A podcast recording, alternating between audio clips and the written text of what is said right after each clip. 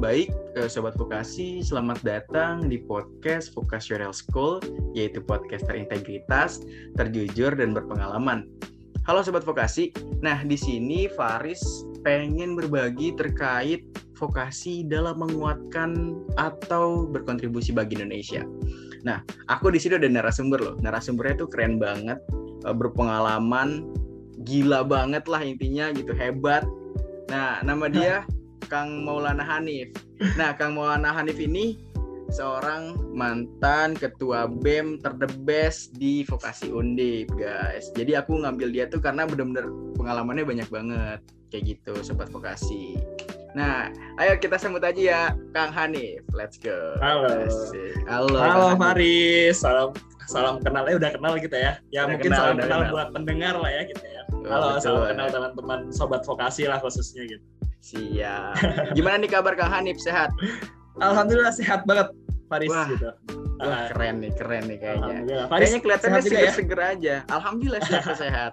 Kang Hanif Iya seger mulu nih kelihatannya. Alhamdulillah Waduh. ya, karena kan beberapa hari kemarin kan ada ini ya uh, World Health mental ya gitu kesehatan hari Hmm. kesehatan mental internasional gitu jadi ya itu men- harus meningkatkan awareness kita untuk uh, saling menyebarkan positive vibe untuk saling menguatkan ya karena emang apalagi Benar. pandemi ya Riz ya pandemi Betul kayak gini banget. kan banyak banget yang mungkin lagi down entah itu masalah akademik gitu kan studi dan segala Iya. macem lah gitu banyak entah mungkin habis ditinggalin pasangannya gitu Aduh, jangan curhat dong Kang, jangan curhat. Aduh, kacau nih Kang Enggak, enggak. Aduh. Nggak, ini mungkin di di luar sana. Jadi jadi kita kita harus saling menguatkan gitu. Jadi it's okay to not be okay tapi jangan lupa untuk kita bangkit lagi gitu ya. Jadi kita harus saling menguatkan. Oh, iya. Oke, oke. Siap nih Kang. Oke, aku pengen tahu nih, ya pasti nih ya teman-teman sobat vokasi kan belum tahu nih Akang secara lebih jelas. Iya. Bisa nggak sih Kang kenali nama, asal, terusnya di jurusan apa nih Akang, terusnya pengalaman Akang tuh apa aja. Ini ya pertama-tama lah gitu, kenalan dulu lah buat buat merapatkan diri gitu kan. Oh, Kayak iya, PDKT kan gitu Kang, kita Iya, harus iya. mengenalkan diri gitu. Ya, Oke Kang, barangkali- gimana tuh? Oke, ini makasih banyak ya Faris. Siap, siap, siap. Kasih eh, ruang atau media buat saling ngobrol lah gitu ya. Kita ibaratnya Betul, curhat betul. tentang vokasi lah gitu ya. Asik. Barangkali kan eh, dapat jodoh jalur podcast gitu kan. Amin walaupun ya, nggak terlihat ya. Oke, mungkin kenalin ya teman-teman. Halo teman-teman vokasi, sobat vokasi khususnya. Eh, kenalin nama namaku Maulana Kifari ya, atau biasa dipanggil Hanif gitu. Kalau misalkan asal itu dari Indramayu, itu salah satu daerah atau kabupaten di Jawa Barat. Ya walaupun Asik. kadang orang Jawa Baratnya juga bingung loh, Indramayu itu Jawa Barat ya gitu. Karena emang Benar, dari bahasanya juga nggak nggak Sunda gitu Iya, cuman bener. Indramayu dan Cirebon ya nggak Sunda Iya. gitu kan makanya kadang-kadang saya juga bingung gitu Men- "Eh, saya Sunda apa apa apa apa Jawa gitu Apa Jawa? ya, ya udahlah sama aja lah di Jawa Blasteran Kang, juga nggak apa-apa, blasteran. pada bingung gitu blasteran. Bener. itu kalau asal dari Indramayu. Terus kalau kuliah sekarang masih studi di Undip ya. Doain teman-teman lagi eh, sebagai mahasiswa tingkat akhir di D4 atau kalau mulai dari tahun 2017 nomenklaturnya berubah jadi sarjana terapan sarjana terapan teknologi Hmm. rekayasa otomasi gitu. Nah, Si- ya mungkin itu ya. Kalau misalnya nanti mau ngulik tentang jurusan pas nanti di podcast boleh juga gitu. Keren nih guys, pengelola sekrup guys.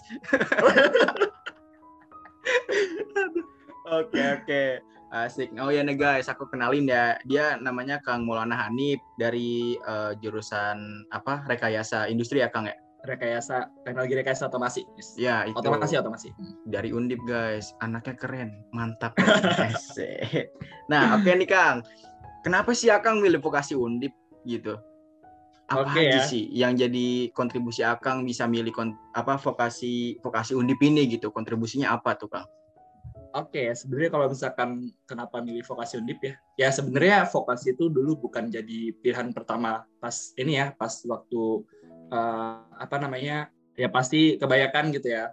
Eh, kebanyakan dari kita kan eh, masih belum tahu ya tentang vokasi gitu. Bahkan eh, vokasi kan baru ada sekarang udah udah bagus banget ya. Menurutku udah lumayan loh berkembang dari branding dan segala macamnya gitu. Tapi kalau misalkan zaman zamanku 2016 gitu kan 2016 2017 itu tuh masih belum belum ini banget vokasi gitu bahkan mungkin dengar uh, jurusan vokasi tuh apa gitu masih jarang banget Mm. Riz gitu kedengar gitu jadi Mm-mm. dulu tuh masih belum jadi pilihan pertama Riz gitu karena Hmm. masih ini gitu jadi ya entah ini kebetulan emang udah skema Tuhan ya gitu dan alhamdulillah benar masuk ke vokasi gitu kan di vokasi undip jadi kalau dulu tuh uh, kalau jujur ya dulu tuh ya berharapnya SNMPTN SB, SBMPTN dulu gitu kan Hmm, di di di di IPB malah dulu pengen ya. Wah asik malah dulu pengen nih. masuk IPB iya malah aku yang masuk IPB Iya. Anjay. nggak apa tapi nggak apa-apa. Oke, alhamdulillah oke. alhamdulillah di undip dan di sini tuh Mm-mm. uh, kalau misalnya alasan kenapa vokasi karena uh, ditemanya di vokasi gitu ya Benar-benar. satu tapi bukan berarti uh, bukan berarti kayak kayak ngapain sih di vokasi nggak juga gitu memang Hmm. kalau awal-awal kan ya bilang aduh pengen vokasi kamu kenapa nggak S1 aja gitu dan Hmm, segala macam banyak lah stigma stigma kayak gitu ya Riz gitu. Iya betul betul. Nah, tapi ternyata gitu Riz setelah uh, jalannya waktu kita uh, coba aku ulik dan pelajarin tentang apa sih bedanya vokasi sama sama sarjana, gitu, Sarjana. atau akademik gitu ya atau akademik lah gitu ternyata kalau di kalau sedikit uh, ngebedah dari UU Sidiknas gitu Mm. Undang-Undang Sistem Pendidikan Nasional ternyata tuh vokasi tuh punya peluang yang bagus Riz ke depan gitu Oh, ke depan tuh bagus gitu. Da- jadi kalau misalkan kenapa alasannya, kalau misalnya ditanya hanya di sebatas alasan ya seperti itu masih dulu tuh eh, nggak menjadi pilihan utama Riz gitu. Jadi Iya, emang alhamdulillahnya diterima di Undip dan ya aku bersyukur karena eh, sampai menghantarkan ya Hanif yang sekarang lah gitu. Alhamdulillah Iya, gitu banyak benar-benar. banyak banget eh, yang aku dapetin baik itu di dalam kul- perkuliahan maupun di luar perkuliahan. Jadi kalau misalnya alasannya ya ya tadi tapi uh, bukan berarti vokasi itu bukan kaleng-kaleng gitu. Malah sekarang kan. lagi banyak banget. Mm-mm. Indonesia Benar. sekarang oh iya baru inget Riz. Jadi uh, Hmm. kenapa kita juga perlu bangga dan ya tentunya tentunya ya, tet- tetap pasti, harus digarisbawahi harus ada tetap menjadi kritik otokritik nih gitu. Karena Hmm. Indonesia tuh di tahun 2020 sampai 2030 itu Hmm. kita menghadapi bonus demografi Riz Ah, ya kan kita banyak banget nih gitu uh, Hmm. angka usia angka usia produktif gitu kan benar-benar. benar. waktu itu uh, melalui mel- waktu itu pemerintah Indonesia melalui Menteri Mendesakdikti gitu dulu uh, mantan rektor Undip ya gitu Pak Benar-benar. Pak Nasir Prof Nasir gitu waktu itu bilang bahwa kita perlu yang namanya itu revitalisasi pendidikan vokasi karena memang Hmm. di era di era disrupsi gitu dan juga Hmm. tadi ya bonus demografi jangan sampai ini SDM di Indonesia di Indonesia nih gitu ah, menjadi menjadi ancaman justru harus menjadi peluang gitu nah Ah. pendidikan vokasi itu direvitalisasi itu untuk untuk tadi gitu Riz untuk Mendorong kita gitu ya. bisa- hmm, ya Benar. karena emang vokasi kan fokusnya lebih kepada menciptakan tenaga didik siap pakai Riz jadi kita udah aplikatif gitu Ah, benar-benar itu sih jadi itu sih secara singkat dulu ya gitu Iya iya Sorry. iya. Benar-benar. Nah, oke. Berarti ya emang vokasi itu benar-benar buat peluang kerja tuh itu benar-benar buat di aplikatif di peluang kerja gitu. Sangat ya perlu banget gitu vokasi itu kan ya. perlu perlu Hmm, sih sih sih. Nah, oke nih Kak.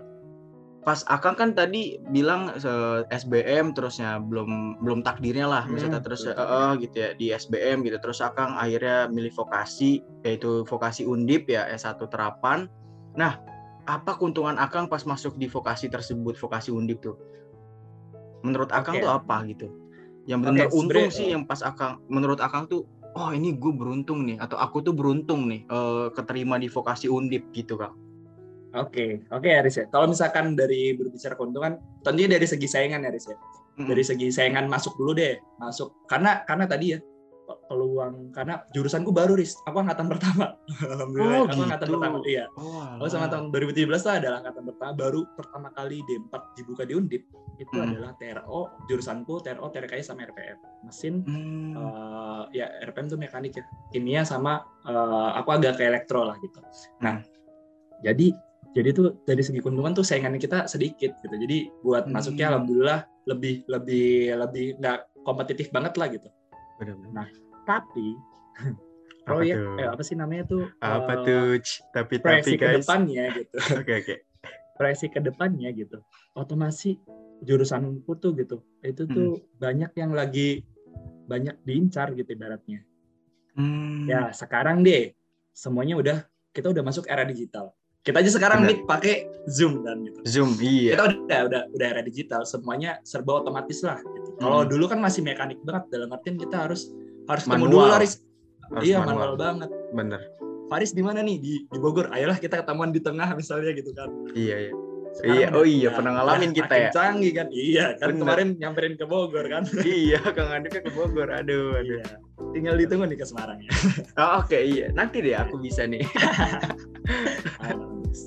Ya intinya itulah jadi kalau dari segi keuntungan alhamdulillah tuh dapat jurusan yang punya oh iya jadi menurut riset Tris eh, kemarin sempat eh, ngobrol juga ya sama teman di visit gitu ya bahwa kita eh, dengan adanya semuanya sebenarnya canggih bahkan sekarang udah banyak banyak berbau AI ya gitu Ah, bener. ya kan artificial intelligence gitu terus Iya. automa- otomatisasi gitu Mm-mm.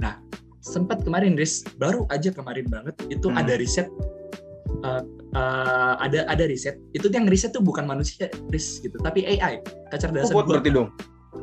iya AI AI gitu bener-bener Asik. sistem AI itu ngeriset tentang uh, alasan kenapa uh, sebuah hubungan tuh bisa uh, langgeng. Kandas. Oh, oke, oke. Itu Iya. kandas. Oh, langgeng, langgeng. kandas Oke, dan oke. kandeng nah itu ada ada risetnya di, di AI di Oh, sempat dirilis sama apa ya Vice gitu kalau nggak salah kemarin kalau nggak salah ya lupa Hmm. cuman itu Wah. gila ini semuanya udah serba AI walaupun itu penelitiannya masih di di di luar negeri Riz. di luar. di benar. Amerika di US gitu di UK gitu nah jadi eh, ternyata semakin majunya teknologi ini gitu itu juga bakalan semakin mendisrupsi Mm-mm. mendisrupsi kondisi kita gitu dan Benar. dan segala macam gitu. Nah, ternyata jurusanku tuh adalah jurusan yang punya peluang untuk eh, tidak tergerus oleh zaman gitu. Bahkan karena otomatisasi kan ya kita Benar-benar. oh, ber- eh, berdampingan dengan teknologi sih. Benar-benar. Ya walaupun memang ya ada side effect-nya pasti bakalan ada banyak eh, pekerjaan-pekerjaan yang mungkin hilang gitu kan. Benar. Nah, jadi Hmm. ya benefitnya kenapa masuk di vokasi dan otomasi gitu ya arahku alhamdulillahnya untuk ke depannya gitu Riz Hmm. itu tuh insya Allah uh, proyeksinya cukup bagus gitu untuk ke depannya Benar-benar. ketika mau terjun ke dunia teknologi gitu Teknologi. walaupun sebenarnya juga ya aku nggak belajar AI juga gitu di kuliahan masih Hmm. masih agak-agak basic lah gitu AI biasa Oh. tuh anak-anak informatika sekarang udah mulai AI, Belajar tersebut ya. Udah IoT udah- uh, paling Oh. IoT lagi IoT kayak gitu. Wah, berarti itu sih paling ya, untungnya Berarti keuntungannya juga emang benar banyak ya buat Akang gitu yang bener bahkan pas waktu masuk ke jurusan tersebut itu yang bahkan bikin Akang tuh kayak tergugah bahwa oh ternyata jurusanku tuh memiliki peluang yang benar-benar bisa ber- eh, memiliki formula atau capacity buat aku yang baik gitu kan. ya Wah, keren keren. Yang bener keren. nah, gitu lah gitu Bener. Nah, oke nih Kang. Kan Akang dulu jadi ketua BEM nih ya di Undip pada Iya. tahun 2019 ya Kang ya? 2019. 2019 kan ya, bener. Nah, pastinya dong di Akang jadi ketua BEM di vokasi Undip, pastinya Akang kenal-kenal eh, apa dari ketua BEM ketua BEM yang lain. Menurut Akang, apa sih manfaat yang Akang dapat di situ loh jadi ketua BEM Undip ini dan dari situ tuh bi- Akang tuh bisa ngeyakinin gak sih kalau benar vokasi ini bisa berperan penting bagi Indonesia gitu nih Kang? Oke, Faris. Mungkin sedikit Hmm. cerita dulu ya, Riz ya. Sebenarnya Bisa, bisa. menjadi ketua BEM itu adalah hmm, sebuah Anugerah ya, kah? namanya. Bisa dibilang gitu. Bisa ya. Tapi jujur, Riz, itu adalah penyesalan terbaik seumur salah satu penyesalan terbaik itu adalah eh, Penyesalan terbaik. daftar gitu. Penyesalan terbaik karena dulu nggak Oke. nggak mau, karena nggak mau dulu. Sebenarnya ada Ah. ada ada di ada di posisi kayak udahlah nggak mau, nggak mau jadi ketua apa pun gitu. Karena Hmm, karena pertanggung jawabnya itu dunia akhirat, Riz. pasti sih, benar. Itu, Karena dan pemimpin juga- ya. Betul. Apalagi waktu itu eh, sangat kompleks banget gitu, yang Hmm. perlu dibangun lah di di vokasi undip gitu pada saat itu. Jadi ya ya udahlah, Bismillah. Alhamdulillah menang gitu pada saat itu dan Hmm. ya kenapa aku bilang pengalaman ini adalah eh, sebuah apa namanya eh, penyesalan terbaik karena banyak banget banyak banget insight banyak banget hal yang ngebentuk sampai sekarang gitu Riz gitu kayak Hmm. alhamdulillah salah satunya kan ketemu Faris gitu kan di Bogor Nah, waktu itu gitu asik ya sih. Asik ketemu di banget. Ufok juga waktu itu kan bisa Bener. kenalan sama orang hebat kayak Faris gitu kan di dunia Betul. terutama di terutama di terutama di dunia editing nih gitu kan Alhamdulillah ya Nggak bisa Allah. ini Faris bentar lagi kayaknya bakalan masuk ke ini nih masuk ke apa namanya YouTube Rewind nih ntar Aminin dulu Kang, lumayan ya. Lumayan Iya budgetnya, dong. aduh. Yang berduit. Iya dong Amin. Itu okay. terus kalau misalkan dari segini Aris banyak banget Aris. Uh, terutama dalam ini ya uh, channel ya dalam artian channel itu adalah orang-orang hebat itu tuh banyak banyak kenal kayak contohnya salah satunya Faris gitu. terus Benar. banyak lah gitu uh, ada Fani juga gitu kan di PB yeah. terus ada kemarin Linda Devita gitu kan terus teman-teman lainnya juga hmm. Ara juga gitu kan Rara juga kan terus banyak gitu kan Mbak, Mbak Cindy hmm. juga kan gitu hmm. uh, Presi PB kan gitu Mapres Vokasi PB kan banyak banget kenal di UGM ada ada banyak juga ada Budi gitu kan ada yeah. ada ada kabim-kabim juga lah di sana. Jadi banyak hmm. banget, Riz, aku jadi punya sharing tempat sharing tuh nggak cuman di skala undip atau di fakultas doang, Riz. Aku banyak oh. buka gitu pikiran gitu. Oh di PB kayak gini ya gitu. Oh di UI, di UI vokasinya udah di tahap ini ya gitu. Oh jadi jadi jadi ini Riz, jadi ini bisa jadi masukan untuk ketika aku balik di undip tuh ngobrol sama wadet, sama dekanat jajaran birokrasi untuk bu vokasi UI, vokasi PB udah di tahap ini. Kita harus harus bisa mengakselerasi gitu misalnya gitu. Kita udah misalnya ada ada hal yang perlu perlu kita kita bangun lagi nih bu misalnya gitu. Pak gitu. Kita jangan mau dong ketinggalan kita mau mengejar WCU tapi kita masih nggak bisa ngejar ketertinggalan dari yang Indonesia gitu kan? Di vokasi Indonesia ya gimana gitu? Karena emang uh, cukup ini apa ya vokasi punya peran yang ini juga gitu. Ketika hmm. memang arahnya dibawa ke aplikatif dunia dunia aplikatif yang uh, tentunya siap pakai gitu ya. itu sih jadi kalau misalkan pengalaman tuh banyak banget mulai dari terutama skill Just, jujur ya Riz malah aku banyak dapat ilmu itu tuh malah di di luar kampus eh di luar kelas gitu.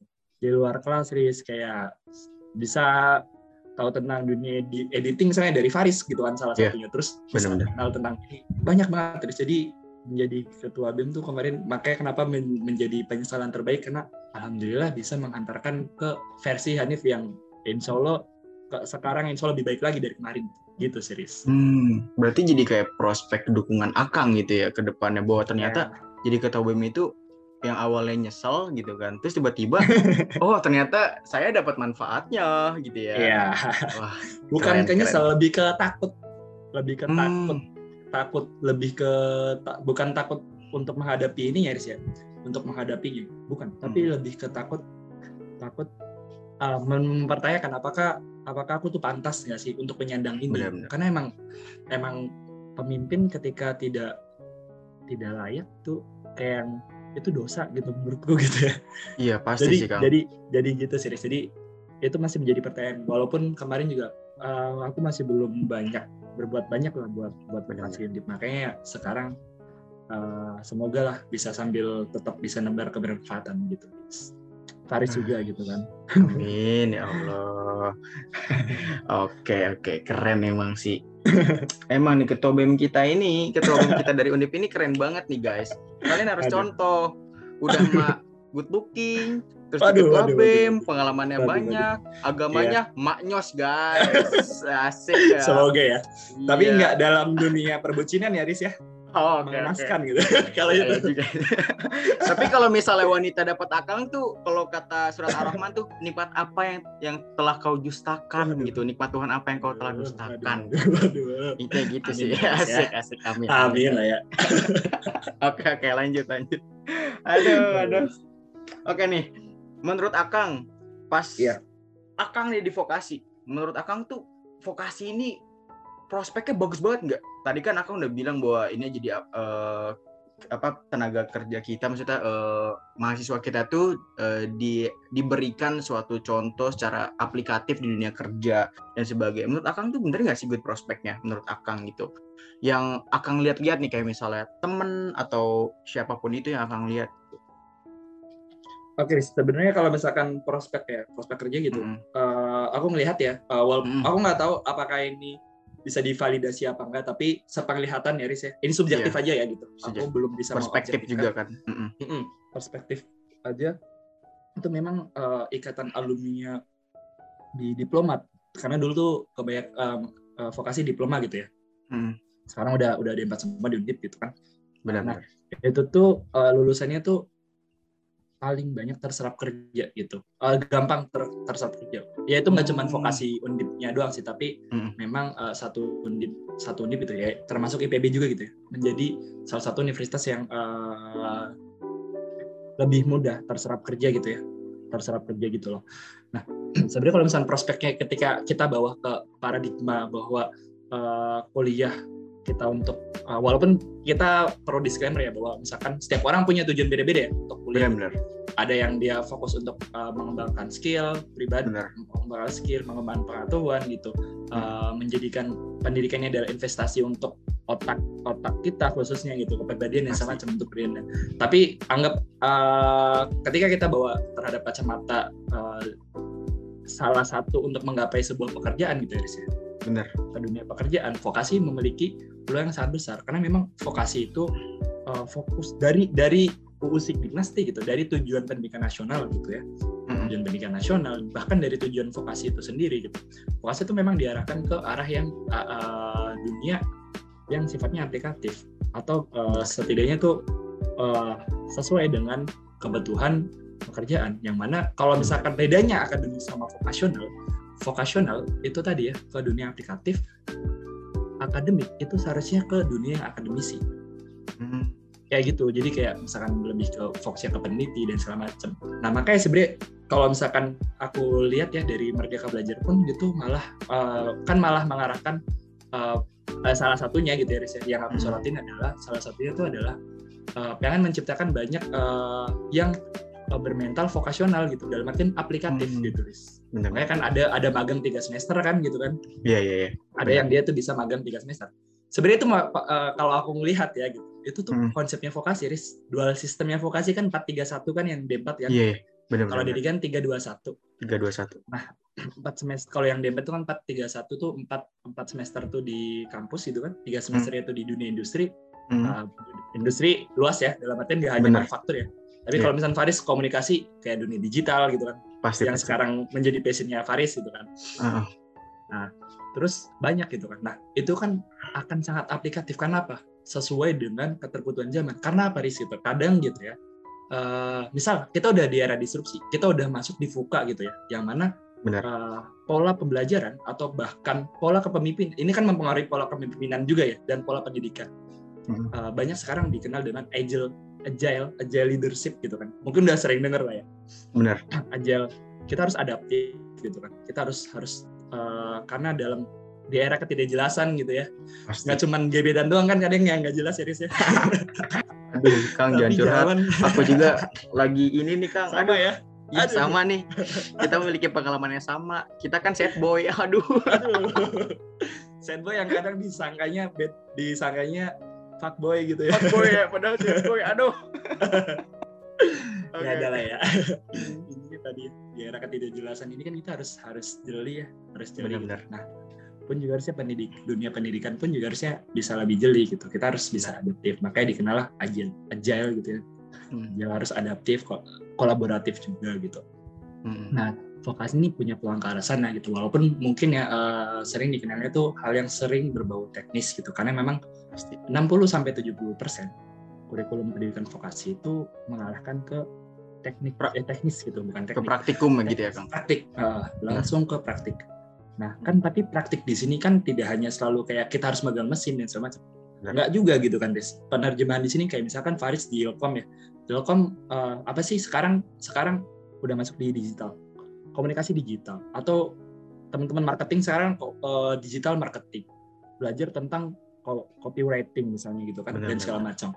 Nah itu kan sebenarnya terjun ke lapangan tidak hanya secara teori gitu, tapi secara praktik. Gimana sih nyusun misal di di komunikasi ada ada AIDA ya Riz? Aida. Ada, Oh iya ada. ada metode AIDA ya, Iya betul betul. attention, interest, desire gitu kan. Mm-mm. Kita kan kalau misalkan cuma di teori kan, oh yaudah nih, eh, misalkan mau bikin konten atau mau bikin sebuah pemasaran, pakai konsep Hmm. AIDA misalnya gitu. Hmm. Atau marketing funnel pakai AIDA gitu misalnya gitu. Nah, tapi kan kita masih bingung, gimana sih caranya mendapatkan attention-nya gitu. Karena kan gimana mau action kalau di attention-nya aja kita belum dapat gitu kan. Iya sih. Tapi kalau vokasional gitu, vokasional itu penekannya tuh lebih ke bagaimana sih, gimana sih caranya menciptakan eh, atau bahkan mengembangkan konsep AIDA Hmm. gitu. Oh pasti Nah, itu Benar-benar. vokasional gitu. Jadi sebenarnya tuh kalau misalkan melihat dari peluang dan tujuannya, vokasional tuh punya punya peran yang peran yang tinggi gitu. Malah seharusnya ris gitu. Mm-mm. Ketika memang Indonesia ini gitu uh, fokusnya untuk menciptakan tenaga tenaga didik siap pakai gitu, siap Hmm. pakai. Malah seharusnya yang lebih banyak uh, dikembangin itu adalah vokasionalnya, bukan bukan akademiknya gitu. Biarkan akademik itu fokus untuk menjadi peneliti gitu. Seharusnya Hmm. Riz, kalau misalnya kita Iya. berbicara dari UU Sikdiknas gitu atau tujuan dari pendidikan itu sendiri gitu. Malah Iya. seharusnya itu kalau memang mau menciptakan uh, tenaga yang aplikatif gitu, yang siap, siap pakai gitu. Siapa Harusnya malah vokasionalnya gitu. Hmm, iya karena Vokasionalnya. tadi ya karena banyak teknisnya juga dan bisa bisa anggapan kayak di dunia karena dunia kerja itu butuhnya praktik gitu kan bukan teori Iya. iya nggak sih secara itu Iya, kan ya benar-benar Walaupun Bukan kita nggak nggak bisa menyampaikan bahwa teori juga perlu ya, Riz ya, Pasti, untuk pasti, meminimalisir untuk meminimalisir ini. Tapi teori itu perlu perlu yang namanya pembuktian gitu. pasti bener Iya. wah oke oke Itu. asik sih berarti bener ya jadi kayak vokasi ini tuh dari tadi eh, kita ngebahas bahwa vokasi itu eh, membentuk kita menjadi tenaga yang tenaga kerja yang aplikatif terus juga kenapa kita bisa jadi tenaga kerja aplikatif karena tadi juga kita di apa ya dihususkan dalam praktikum lebih banyak dan juga teorinya ini mendukung praktikum ini jadi di dunia kerja itu kan tadi bener kayak praktikum ini untuk sebagai tenaga kerja aplikatif terus kita menggunakan teori untuk mengurangi dan meminimalisir suatu masalah di dunia kerja nggak sih iya kan Yes. Benar. bener That's asik point. sih asik. Oke oke.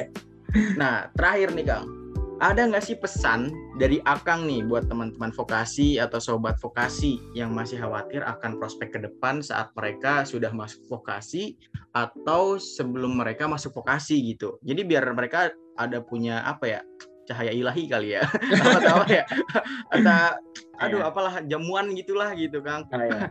Gimana Oke tuh sih, pesan Riz. Akang? Oke, eh, pesan ya. Oke, paling ini sih Riz kalau kalau dari dari dari aku ya, kalau dari aku sih sebenarnya eh, semua itu kan balik ke keterbutuhan, keterbutuhan dan juga apa yang apa sih 10 tahun atau 5 sampai 10 tahun ke depan dari kita gitu. Ketika memang eh, kita merasa bahwa kita tuh adalah tipikal orang yang lebih suka dunia yang aplikatif gitu. Nah, menurutku malah vokasi itu adalah pilihan yang tepat gitu Benar. Walaupun walaupun ya tetap ini ada- harus tetap ada kritik otokritiknya dalam artian Pasti. vokasi di Indonesia ini harus tetap berkembang gitu Uh, Pasti. harus tetap berjuang karena memang gini Riz gitu Uh, vokasi di Indonesia tuh uh, kenapa masih masih masih di nomor dua kan ya kadang gitu dari stigma yang ada gitu karena Mm. karena kita masih kebanyakan ba- dari SDM pun juga SDM-nya tuh masih dari tenaga tenaga tenaga pendidiknya masih dari S1 gitu. Makanya ini perlu. Jadi kalau di Undip di, di IPB juga di IPB juga pasti sih. Di IPB juga pasti ada yang namanya tuh eh, aduh lupa nama namanya apa gitu. Tapi itu ada sertifikasi khusus juga gitu eh, dosennya gitu dikirim ke luar negeri gitu. Iya iya. dikirim ke luar negeri untuk eh, bisa sesuai dengan kurikulum vokasi. Karena Benar. karena beda ris secara secara secara ininya beda gitu. Vokasi itu tadi kan lebih ke arah praktikal gitu. Dan dan akademis akademik itu ya akademisi gitu. Lebih ke hal yang sifatnya teori Teori, benar. teori dan segala macam nah itu. Jadi kalau misalkan memang eh, teman-teman ini eh, fokusnya lebih ke dunia dulu suka dengan langsung keterjun ke lapangan vokasional itu menjadi sebuah pilihan gitu. Karena Benar. memang eh, memang seharusnya gitu vokasi itu arahnya ke arah sana. Iya. begitu serius jadi kalau ini nggak nggak nggak ada maksudnya karena balik lagi ke, ke keterbutuhan. Kalau misalkan memang sukanya di sifatnya teori gitu dan segala macam ya akademik itu adalah pilihan yang Hmm. terbaik buat teman-teman sebenarnya Iya. gitu Hmm. begitu serius jadi kalau misalkan prospek dan segala macam ya tadi sudah itu vokasi secara konsep secara kurikulum itu menurutku gitu itu keren dan cocok untuk teman-teman yang uh, suka dengan dunia yang sifatnya aplikatif gitu gitu serius Benar-benar. Berarti kayak pesan Akang tuh kayak kita sesuaikan dengan kebutuhan gitu ya. Iya. Kalau misalnya teman pengen uh, lebih beraplikatif bisa masuk ke vokasi gitu kan. Iya nggak iya sih? gitu serius Benar. Kalau misalnya teman-teman anggapan lebih lebihnya di teori, teman bisa nggak milih yang Iya. akademisi yang tadi gitu kan. benar Ya semuanya sama gitu. Tapi tadi Sama. gitu tergantung kebutuhan teman-teman gitu Iya, kan. dan sobat tujuan vokasi. kita ke depan apa gitu benar Gitu benar sih. benar. Oke oke siap Kang. Oke nih, izin nyimpulin ya Kang. Pengalaman di magang dan sebagainya, ternyata tuh bener loh di vokasi ini kayak sesuai dengan apa yang saya pengenkan gitu, apa yang saya inginkan gitu. Terus juga pas Akang tadi uh, jadi ketua BEM Undip, yang mana itu katanya suatu penyelesaian Vokasi, penyes- Oh, oh iya Undip vokasi Vokasi. maksudnya. Iya, iya. Vokasi Undip ya. Aduh, ya Allah grogi euy sama orang hebat. Aduh. Aduh, bisa aja nih Paris. Adalah. Ya, tadi pas Akang katanya jadi ketua BEM di Vokasi Undip gitu kan bahwa Akang bilang eh, tadi channel Akang ngedapetin channel banyak terus saya dapat banyak perspektif dari beberapa ketua BEM dan bahkan rektor-rektor dari universitas yang lain gitu kayak tadi UGM, UI, terusnya eh, apa IPB juga gitu dan juga dari situ misalnya mereka sudah eh, jalannya di mana eh, Akang tuh kayak mencoba introspeksi gitu. Oh, eh, saya jangan sampai tertinggal gitu. Kita harus harus terus apa ya bertransformasi sesuai dengan zamannya gitu kan pastinya. Terus juga Akang pas eh, manfaat dari pengalaman juga gitu bahwa Akang eh, bilang bahwa di vokasi ini bener kayak kita tuh dikhususkan untuk menjadi seorang tenaga kerja yang secara aplikatif gitu kan. Bahwa kita tuh bener-bener diperlukan banget loh gitu di dunia aplikatif gitu. Dan juga teori ini juga di vokasi itu ada untuk meminimalisir suatu masalah gitu kan pastinya. Dan juga tadi kan pesan dari Akang gitu kan buat teman-teman buat sobat vokasi sekalian bahwa teman-teman tuh eh, sesuai kebutuhan. Kalau teman-teman mau masuk vokasi yang mana itu bisa menguatkan Indonesia secara tenaga kerja yang lebih aplikatif teman-teman bisa masuk vokasi gitu. Tapi kalau misal teman-teman lebih bisa ke akademisi yang mana lebih banyak teori dan teman-teman bisa lebih lebih lebih di teori teman bisa milih eh, tadi akademisi tadi gitu. Karena semestanya ya itu hak kita sendiri gitu kan balik ke kita sendiri gitu. Kita memilih mana vokasi atau apa akademisi. Karena semua itu tujuan suatu hal kesuksesan tergantung diri kita gitu kan. Bukan hanya saja di apa yang tadi misal kita milih vokasi atau milih akademisi gitu. Semuanya tergantung kita gitu. Tinggal teman-teman ngambil baiknya di mana gitu. Untungnya di mana. Kayak gitu sih. Banget sih ya emang nih Kang Hani banget nih guys. Aduh. Aduh ya Allah ada pokoknya sih oke makasih banget Kang. Eh, terima kasih. Eh, semoga yang tadi Kang Hanif sampaikan bisa benar-benar bermanfaat bagi sobat sobat vokasi ya terutamanya Buat gitu kita kan. semua buat, ya, Riz ya. buat kita semua buat pendengar juga gitu Amin. kan. Intinya makasih banget Kang Eh, sukses selalu sehat selalu dilancarin jangan lupa makan di pandemi ini aku sengaja ngasih perhatian karena Iya, akang aku tahu akang jomblo gitu kan Iya. udah intinya aja Iya. thank you banget ya Kang. Assalamualaikum Ya, banyak ya. warahmatullahi wabarakatuh Waalaikumsalam warahmatullahi wabarakatuh. Asik.